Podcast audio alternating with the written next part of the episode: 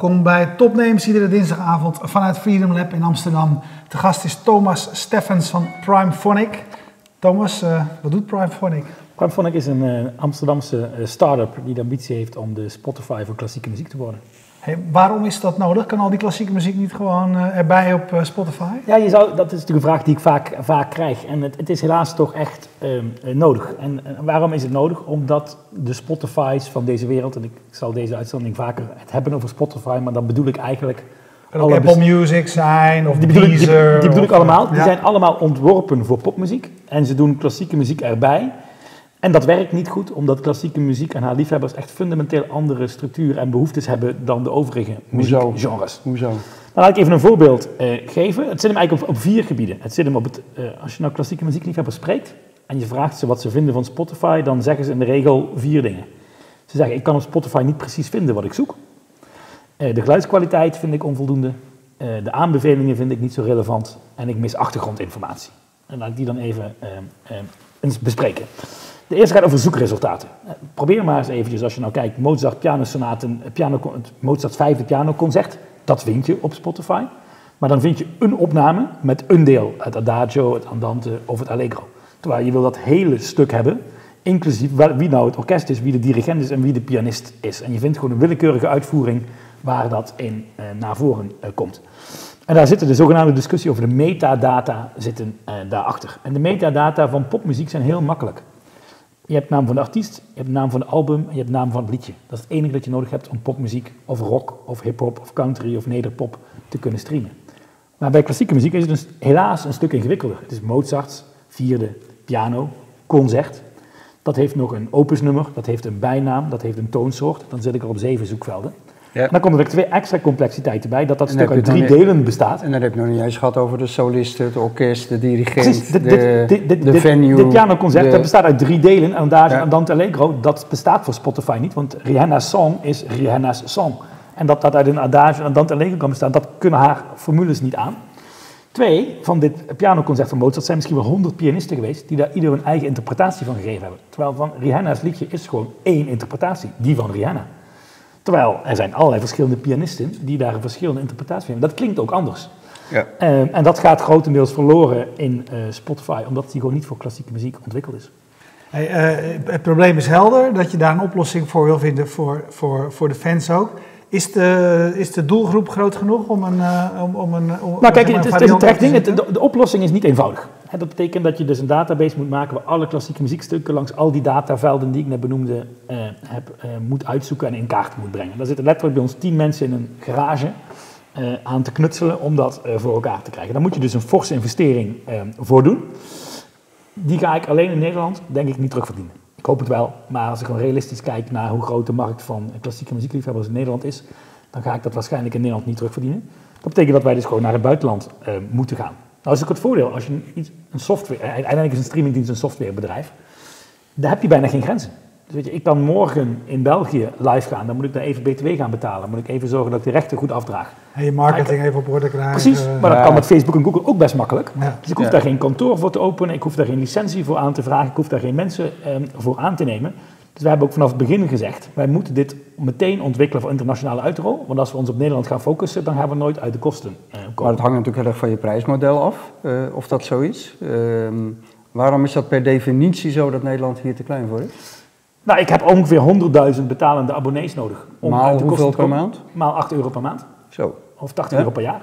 Ja. Eh, nou, ja. Valt, klinkt wel weer als dat dat, dat doen- te doen moet Nou ja, er zijn. in Nederland ongeveer 200.000 echte klassieke muziekliefhebbers. Ja, ik, het is gezond om ambitie te hebben, maar de ambitie dat je daar 50% bijna de van gaat van pakken. Hey, maar dat dat, is, eh, dat, dat is een behoorlijke eh, omzet waar je het over hebt. Ik, Ja. ik heb altijd het idee dat een groot gedeelte van die klassieke muziek rechtenvrij is. Waar zitten dan je kosten Nee, dat is, dat is, dat is, niet, eh, dat is niet zo. Kijk, het is rechtenvrij. Ja. Het is rechtenvrij naar de componist toe, als de Ja. componist 75 jaar geleden overleden is. Dus dat Ja. betreft.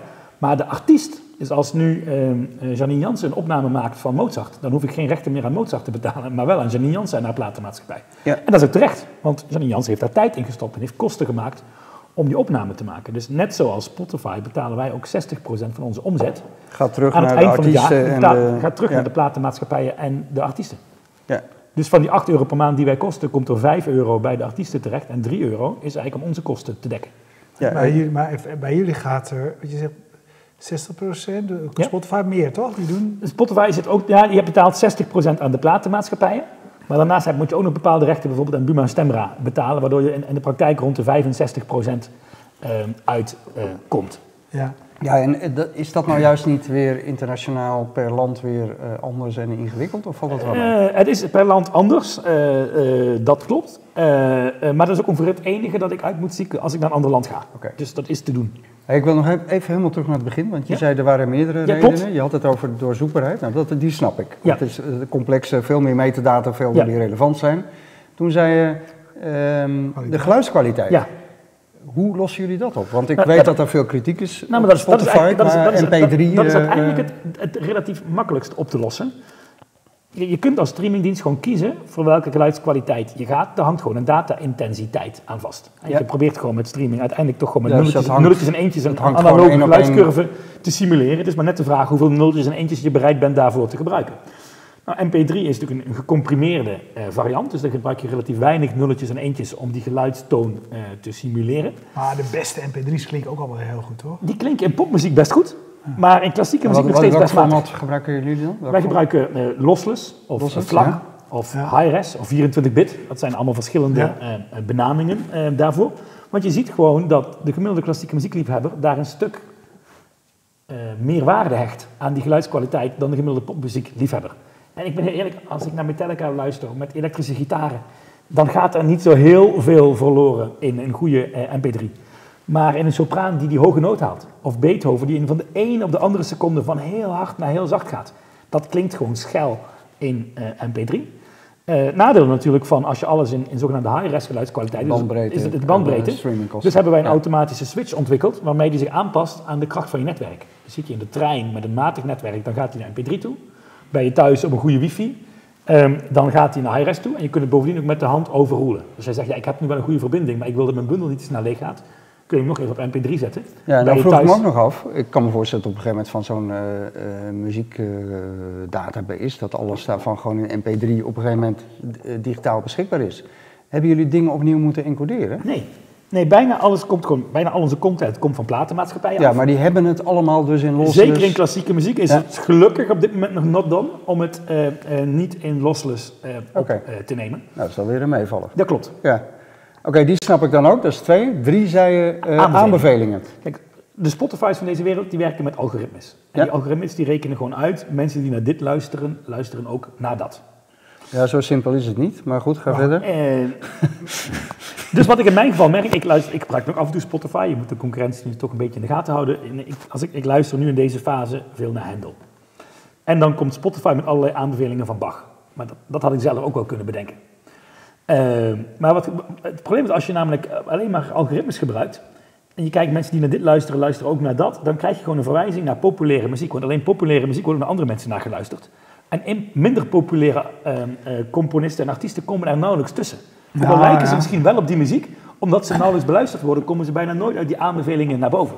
Dus als ik nu naar mezelf kijk en ik luister veel naar Handel, dan wil ik misschien graag geïntroduceerd worden in het repertoire van Rameau. Of van Telemann. Maar Ramon en Telemann worden zo weinig beluisterd dat ze bijna nooit uit die aanbevelingsalgoritmes naar boven komen. Ja, Waardoor je een winnerseffect krijgt, een winnerskeurs krijgt, maar steeds weer naar het bekende. Terwijl het klassieke repertoire is zo breed. Het bestaat uit ongeveer 100.000 stukken. Ja. Als je er echt veel verstand van hebt, dan krijg je er 10.000. Ja, ik vind maar dan nou, krijg je er ook 90.000 niet. ja, nou, ik, vind persoonlijk ik, interessant. vind, ik vind aanbeveling namelijk heel erg goed van Spotify. Maar dat komt omdat ik in hun doel- doelgroep Ja. zit en daar is de groep groot van. En als je zeg maar het zelfversterkend effect krijgt dat de klassieke liefhebbers er minder van zijn, dan wordt die slechter. Dat, dat klopt, dat is één ding. Twee is dat juist bij klassieke muziek zie je dat dat repertoire ontzettend breed is. En dat zo'n een algoritme die dus toeberedeneert naar wat er populair is, dus dan ontzettend veel links laat eh, liggen. Ja. En dat vinden wij gewoon zonde. Je merkt ook aan klassieke muziekliefhebbers, zij vinden het ontzettend leuk om nieuwe werken te ontdekken die ze wel kennen. Eh, die ze niet kennen, pardon, maar wel mooi vinden. Ja. Alleen Spotify helpt hun daar niet bij. Hoe helpen jullie daarbij? Door het met de hand te doen. Eh, dus wij hebben gewoon letterlijk drie curatoren in, eh, in dienst genomen. Dat zijn mensen die echt veel verstand van klassieke muziek hebben. En iedere dag in onze playlist maken zij, eh, in onze app maken zij nieuwe playlists en doen zij aanbevelingen van nieuwe en oude albums, ook de zogenaamde verborgen pareltjes. En op die manier proberen zij iedere dag weer onbekendere klassieke muziek bij onze eh, eh, leden onder de Ja, maar wat voor mensen zijn dat dan? Want je zei net, eh, meer dan 10.000 stukken kun je eigenlijk fysiek niet kennen. Nee, maar deze mensen gaan op zoek. Ja. Hè, dus dat is één. Dus één dit zijn er drie. Dus één van deze is een, is een dirigent die hiervoor ook bij de London Symphonic Orchestra eh, werkte. De andere is een Oekraïense pianiste. En de derde is een Colombiaanse sopraan die met een Nederlandse man is eh, getrouwd. Dus die dekken het spectrum redelijk goed af. Alleen, dat, eh, alleen dat vind ik wel mooi. mooi. Ja. Ja. Eh, eh, ja, een, een start-up is tegenwoordig ook een multinational. In dat opzicht. Eh, en de- deze drie, één, die dekken, dan zitten ze samen al misschien op 25.000. En zij gaan iedere dag op zoek. Zij gaan op zoek in ons platform naar bijzondere dingen. En daarnaast gebruiken we ook af en toe gastcuratoren. En dat zijn meestal eh, mensen die gewoon echt veel verstand van een bepaald genre hebben. Maar we hebben laatst ook Mark Rutte gehad. Die bijvoorbeeld een playlist heeft gemaakt met zijn eh, favoriete klassieke Ja. muziek. Ja, hey, nou ken ik best een eh, eh, aardig wat mensen die heel veel eh, klassiek luisteren. En eh, die, die kritiek op Spotify en, de, en bijvoorbeeld de geluidskwaliteit Ja. is ook niet nieuw. Ehm, nou zal de gemiddelde Nederlander die denkt, nou ja, ik hou gewoon lekker mijn, mijn cd-collectie en eh, eh, eh, that's it. En jij denkt op een dag, ik ga gewoon naar Spotify voor klassieke muziek beginnen. Hoe, hoe, wat, wat gebeurde er in jouw hoofd dat je denkt... Nou, daar ik- gebeuren, daar gebeuren twee dingen. Enerzijds gewoon frustratie. Frustratie, ik hou zelf enorm van klassieke muziek. En iedere keer weer dat gedoe op Spotify. Ik dacht gewoon van, dit is gewoon, ik baalde er gewoon van. Blijft een goede drijfveer, hè? Frustratie. Ja, het andere is gewoon zorg.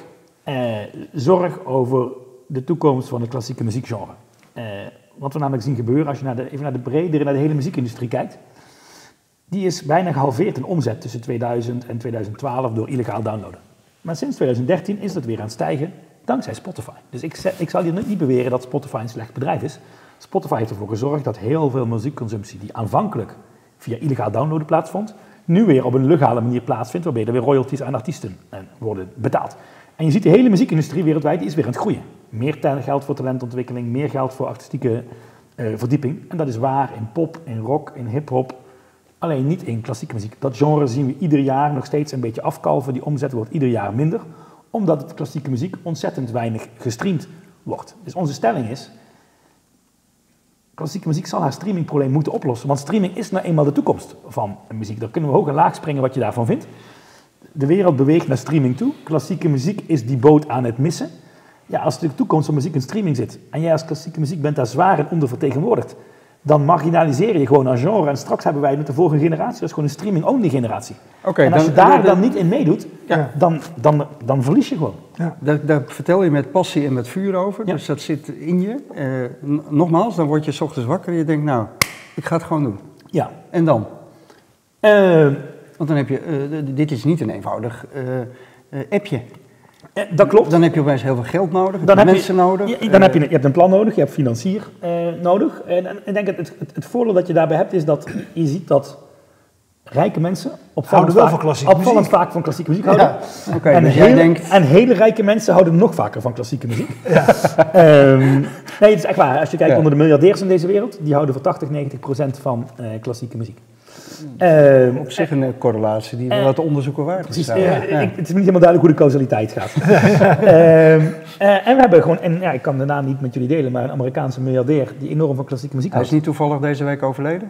Eh, bij mij weet ik niet. Oh, oké. Ehm, nee, nee, nee. Nee. Eh, die hebben we bereid gevonden om hierin ehm, te investeren. Want je moet je wel inderdaad een fors bedrag in investeren, zonder dat je weet of dat gaat werken. Ja. Ja, want in alle eerlijkheid, wat jullie hebben neergezet met het team, met hoeveel mensen heb We je? zijn hier met z'n twintigen. Dan heb je, dat kost miljoenen.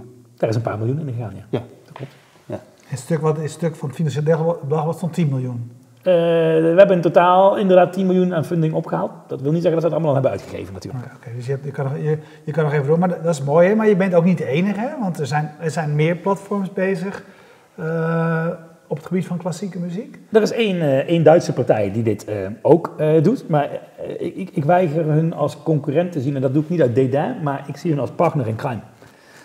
Klassieke muziek moet aansluiting vinden bij de streamingwereld. Ehm, en ehm, de Spotify's in deze wereld gaan dat niet doen. Die zijn gewoon vier jaar, in vier jaar tijd niks beter geworden in eh, Nee. klassieke muziek. Dus ik vind het alleen maar goed dat er nog een andere partij is eh, die dit ook doet. Eh, eh, we houden elkaar scherp. Eh, bovendien, we hebben ongetwijfeld onze eigen ideeën. En we gaan wel zien wie van die twee uiteindelijk de beste idee heeft. Maar samen maken we gewoon meer kans om de klassieke muziek in het digitale tijdperk te loodsen dan alleen. En hoe moeilijk is het om, uh, of zeg maar, waar, waar, zitten de hobbels als het over het, uh, het publiek gaat? Want uh, ik zelf had klein beetje het vooroordeel. Ik dacht van, nou, relatief zit er misschien bij de. Het is eigenlijk al heel, heel lang geleden. Er was iemand van het van mijn concertgebouworkest of iets dergelijks. Ja. En die, die hebben natuurlijk heel, heel sterk dat lidmaatschap, dat supporters-model. Ja.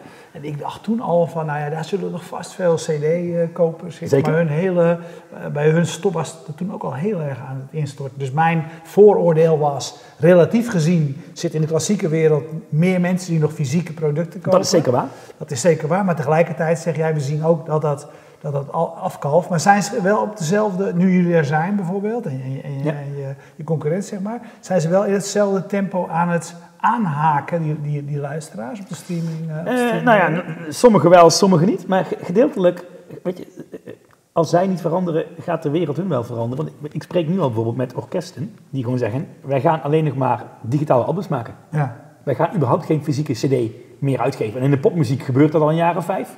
Ja. In klassieke muziek Ja, dat zie ik, je gaat, gaat- zie je dit nu voor de eerste keren gebeuren. Maar de komende jaren gaat dat gewoon een vlucht eh, krijgen. Daar zit nog wat koudwatervrees in de klassieke muziekwereld. Maar als er een paar schapen over de dam zijn, dan zul je denk ik in 2020 zien dat een behoorlijk deel van de nieuwe albums alleen nog maar in digitaal format. Hey, eh, hoeveel hoeveel abonnees heb je nu inmiddels in Nederland?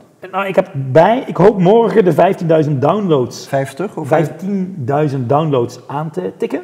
Ja? Dat wil niet zeggen dat ik 15.000 abonnees heb, want niet iedereen die de app downloadt wordt uiteindelijk ook abonnee, want er is gewoon een, een, een, een, een gratis proefperiode van een maand.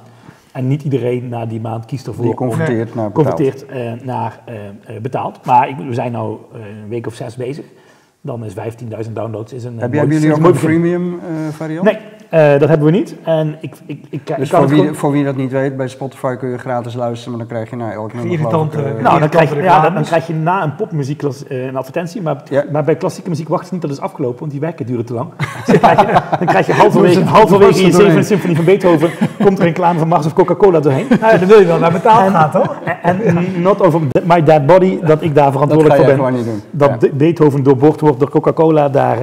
dat ga wat me ook nog ingewikkeld lijkt, is dat je, als het dan gaat om eh, geluidskwaliteit, dat je niet de hele keten eh, kunt controleren. Want eh, wat je uiteindelijk thuis aan eh, streamingapparatuur hebt staan, bepaalt ook nog voor een heel groot gedeelte wat de kwaliteit is. En de gemiddelde CD-luisteraar, vroeger was het simpel, je had een goede CD-speler, een versterker en Ja.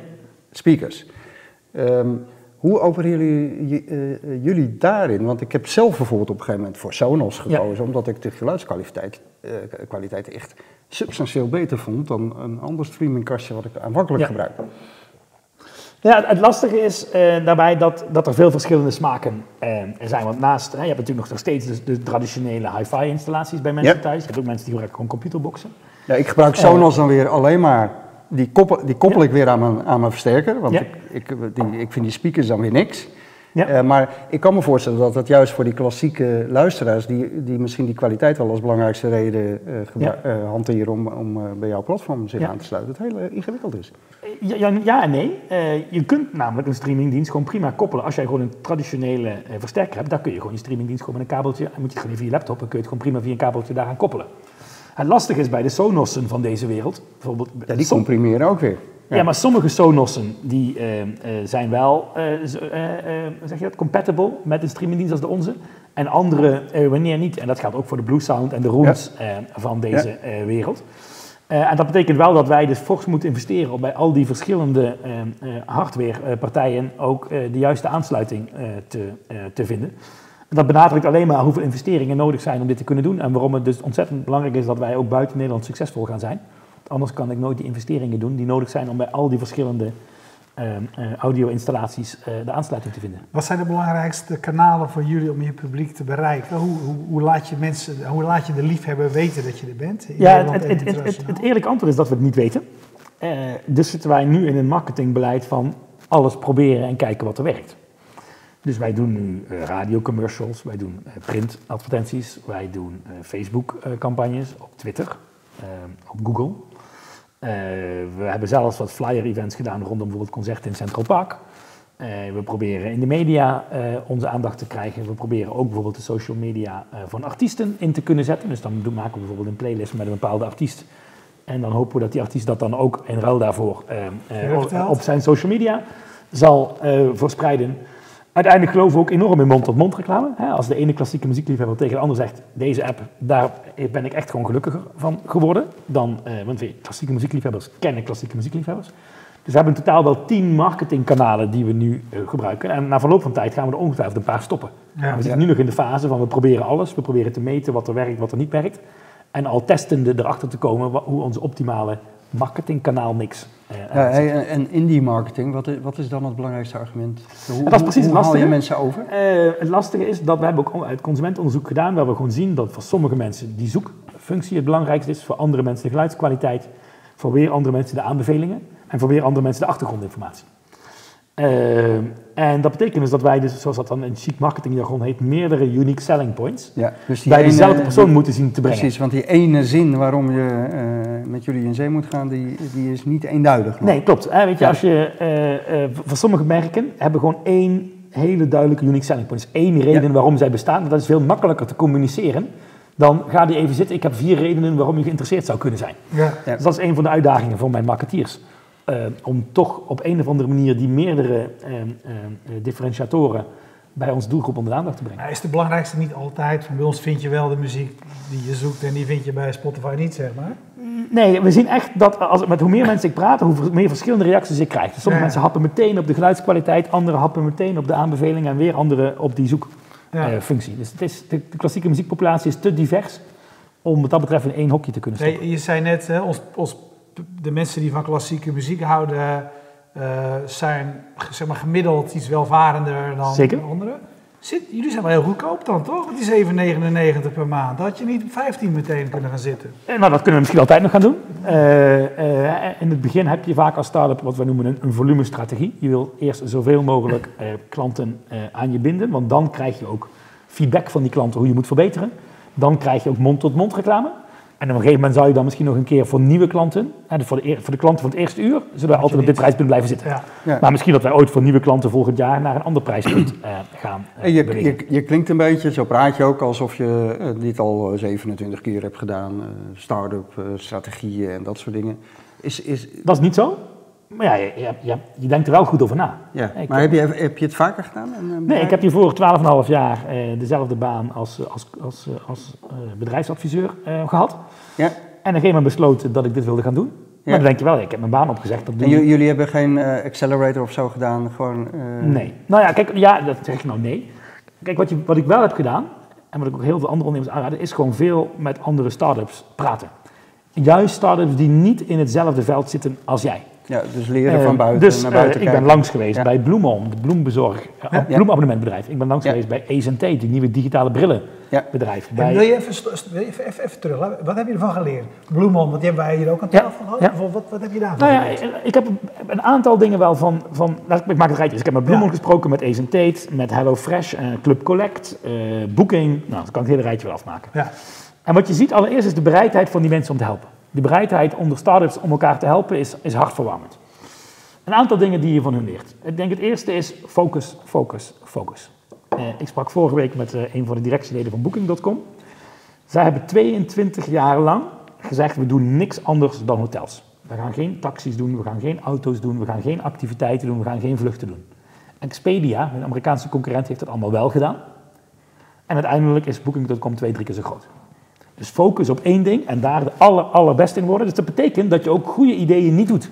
En dat voelt natuurlijk als ondernemer heel ehm, moeilijk om een goed idee niet uit te voeren. Maar de gedachte is, uiteindelijk heb je gewoon beperkte eh, middelen en die zet je in om in één ding de allerbeste eh, eh, te worden. Dus dat is het één ding die ik van hun ehm, geleerd heb. Het tweede is, geloof niet dat je de klant snapt, maar zoveel mogelijk testen. Eh, eh, om erachter te komen wat je klant nu echt wil. Dat heb ik bijvoorbeeld ehm, van hun ehm, geleerd. Ehm, ik heb ook, vind ik, van hun ehm, geleerd dat je ehm, eh, inderdaad bij marketingbeleid dus heel erg verschillende kanalen moet inzetten. Om er Ja, kun, kun je nog te komen. specifieker maken? Want ik ben Ja. vooral zo benieuwd wat je dan van wie hebt geleerd. Want Ace en Tate is een totaal Ja. ander bedrijf dan, dan Ja, ik vind, ik vind en niet, weer dan ik Booking. Dus wat dat heb, ik, wat heb je dat dan van... ik individueel kan zeggen wat ik van welk bedrijf... Ik kan wel Wat vond je dan heel ik inspirerend sprak- van Moon Precies. bijvoorbeeld? Nou, laat ik, bijvoorbeeld, ik sprak met een van deze start-ups en die waren helemaal succesvol in Nederland. Toen zeiden ze, ja, dan gaan we nu naar het buitenland toe. Nou ja, welk land gaan we dan doen? Ja, De oude wereld, zo Dat zeggen we gaan kijken hoe groot is in welke markt, welke concurrentie is daar, hoe het consumentengedrag eruit. Wat heeft dit bedrijf gedaan? Die hebben gewoon in vijf landen een Facebook-campagne van 10.000 euro gedaan. En daar waar de meeste omzet uitkwam, naar dat land zijn ze toegegaan. Het is een fundamenteel andere dijkwijze dan helemaal analyseren waar moet ik nou heen. ja. Ander voorbeeldje. Een van deze bedrijven had een nieuwe feature bedacht. Kun je een hele haalbaarheidsanalyse gaan doen. Zij hebben gewoon een, een button gemaakt in de app. Voor, voor, hè, en, als, dan keek ze hoeveel mensen klikten daarop. En als je dan op klikte stond, oh sorry, het is nog niet af.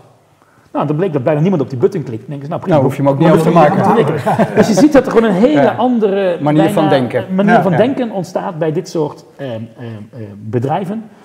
Ehm, ehm, ehm, eh, en daar eh, leer ik veel van. Dus ik heb voor mezelf ook als doel dat ik één keer per maand met dit soort bedrijven afspreek.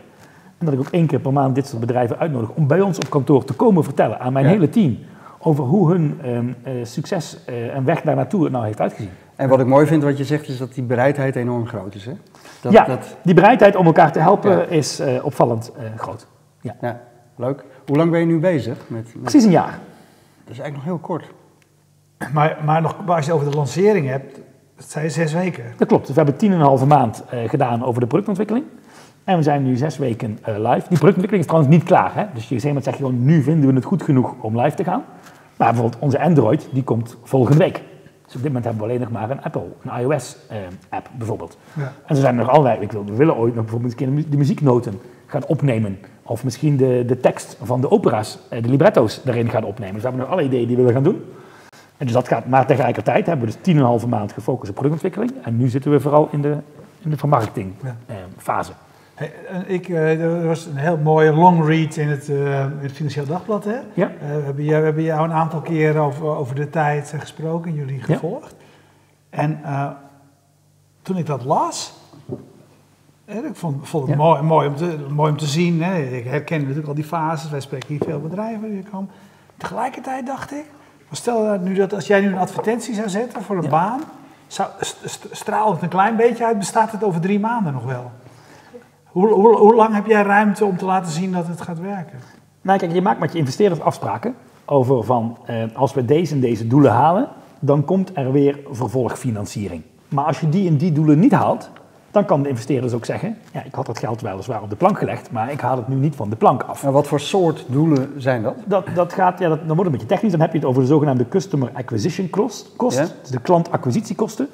En de Customer Lifetime Value, de klantwaarde. Dus Ja. hoeveel, hoe lang blijft een klant klant? En hoeveel kost het om die klant binnen te krijgen?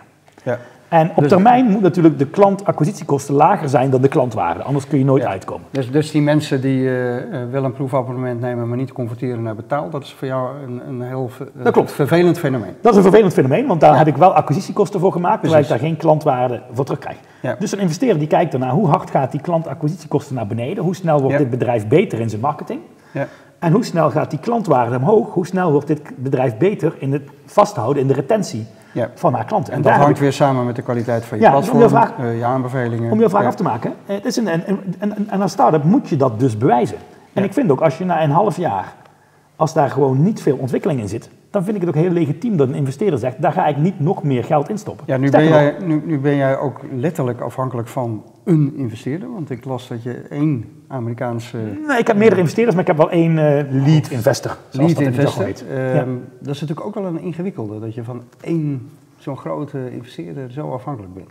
Eh, Nou ja, kijk, ik weet, uiteindelijk ben je niet van één investeerder afhankelijk. Want als deze investeerder het niet meer gelooft en het is wel een goed idee, dan vind je ook wel een andere investeerder. Dus ik geloof niet in het idee eh, van goed idee, geen kapitaal. Er is zoveel kapitaal in de wereld, er is bijna nergens rente, iedereen is op zoek naar rendement. Als jij een goed plan hebt en je hebt goed bewijs eh, dat het de goede kant op gaat, dan al zou deze in- in- in investeerder zich terugtrekken omdat hij morgen toch meer van vissen blijkt te houden, dan, als ik, dan heb ik blijkbaar geen goed verhaal als ik daar geen andere investeerder eh, voor weet eh, te vinden. En tegelijkertijd is het inderdaad zo als start-up, er is gewoon een kans dat dit bedrijf over een half jaar niet meer bestaat. En wie dat te eng vindt, die moet ook niet bij ons komen werken.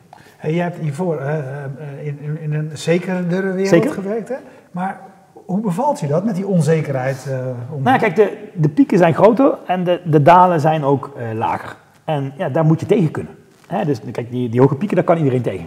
Dat is, dat is, kijk, als je met, met, met Mark Rutte een playlist lanceert op Lincoln Center in New York, dat is een piek die ik in mijn vorige baan niet zo snel eh, meegemaakt eh, zou hebben. Maar de dalen eh, zijn ook gewoon groot. Want ik, ik word gewoon echt vaak 's ochtends gewoon wakker, bezorgd wakker. Hoe we nou weer de volgende eh, uitdaging, eh, of probleem, ik noem het een uitdaging, maar soms zijn het ook gewoon problemen, Ja. gaan eh, oplossen. En, en dat kan omslaan in stress. Dus je hebt als persoon wel die reflectie en die onafhankelijkheid nodig om ervoor te zorgen dat die dalen die inherent dieper zijn bij een start-up, dat dat niet vertaalt in structurele eh, stress. Ja. Eh, mijn laatste vraag. eh, ik zat eigenlijk te denken, ik had, het zijn er twee, maar het, het, het- het Hij, komt, mag, op het, hij mag altijd maar één laatste vraag stellen. het komt op hetzelfde neer. Eh, eh, eh, je, je, je weet een, eh, een, een vermogende Amerikaanse investeerder aan je te binden. Je weet de, onze minister-president zover te krijgen Ja. eh, dat hij een playlist voor jullie maakt. Hoe goed ben jij in godsnaam genetwerkt? Hoe krijg je dit voor elkaar? Nou, ik ben niet goed genetwerkt. Ehm, waar, het, waar ik denk dat het Dit meer is in de zit, droom is, van iedereen. Waar het Ja. meer in zit, is het, is het, heel, het heel scherp kunnen, in 1, 2 minuten kunnen uitleggen waarom, wat de essentie van je propositie is. Dus als je het dan hebt over eh, Mark Rutte, dan kun je zeggen, oh meneer Rutte, ehm, dit is een mooi voorbeeld van eh, cultuur ondernemen, zonder subsidie. Daar is de VVD van. Ja. Dit is een mooi voorbeeld van eh, vrije handel. Een kleine multinational die al binnen zes weken Ja. nadat ze live zijn ook in Amerika live kan gaan. En dan lig je in één keer op zijn politieke agenda en dan Ja. is er interesse. Maar die vertaalslag die moet je wel zelf maken. Eh, en daar heb je wel een bepaalde ja, creativiteit en productiviteit bij nodig. Ja, en ik denk ook dat iedere, eh, iedereen met een goed idee eh, ervan droomt om een, rijke Amerikaanse investeerder eh, aan te haken op een idee. Ja, maar ook daar, dat ook, ook, daar geldt het voor dat je in een paar minuten moet kunnen uitleggen, zowel de Ja, maatschappelijke nee, nee, kant... maar dat geloof ik allemaal wel. Maar hoe kom je met Mark Rutte in contact? Hoe kom je met Bill Gates in contact? Ehm, nou, ik denk, die, de, met Mark Rutte is eigenlijk via de Nederlandse ambassade in, in, in, in Amerika Ja. gegaan. Want Mark Rutte was in New York voor de Verenigde Naties. En nou, zodoende hebben zij, ben ik met hun in contact gekomen. En, eh, dus, dus, dus, dus dit is ook, ik, zeg, ik vergelijk het ook wel eens met, eh, met daten. Eh, ik ben al 18 jaar bij dezelfde vrouw, maar wat ik dan toch van mijn vrienden hoor. Ehm, eh, Ja, daten, daten, dating is een numbers game. Dus je moet, het, je moet het ook gewoon Gewoon doen. Nee, je moet ook hoog durven inzetten. Ja. Weet je, we hebben ook Anna Netrebko gevraagd. Dat is de beste sopraan van de wereld. Die was in New York tijdens onze launch. Nou, zij heeft helaas niet op onze eh, uitnodiging ingegaan. We hebben ook Daniel Trifonov, misschien de beste pianist van de wereld, van Ja. dit moment uitgenodigd. Dus je moet ook gewoon durven hoog inzetten. Want als je niet Ja. hoog durft in te zetten, dan ga je ook zeker niet hoog eindigen. Ja. Ja, hartstikke mooi. ja, fantastisch. Nou, he- heel veel succes. Wij wensen je heel veel succes. Ik zal het nodig hebben, een mooi want eh, initiatief. er moet nog heel veel gebeuren. Ja, Ja. nou, heel mooi, eh, een mooi verhaal. En eh, je passie die spat er vanaf. En dat is sowieso daar hoort het mee te beginnen. Dankjewel. Jullie bedankt voor het kijken. En we bedanken zoals altijd PQR voor de hosting van de website Bier Co voor de biertjes. Jet- Jetstream, dit, deze week vieren ze hun volgens mij 15-jarig eh, bestaan. Ja, volgens mij Eh, ja. in, eh, in de arena, dacht ik. Hè? Ja. Ehm, in Groningen gebeurt alles, maar voor de feestjes kom je toch naar Amsterdam. We gaan je zien donderdag, Stef. En dan heb ik er denk ik nog eentje gemist. En dat is natuurlijk Freedom Lab, van waaruit wij iedere week uitzenden. Volgende week zijn we er een weekje niet. En jij zit in Engeland? Ik ben in Engeland optreden. Belangrijk. Ja, ik, ga, ik, heb, her- ik heb herfstvakantie en ga naar Ajax. Ja, Ajax eh, toch? Ajax ja. Oké, nou voor Ja. twee weken zijn we er weer. Dankjewel. Dag. Tot ziens.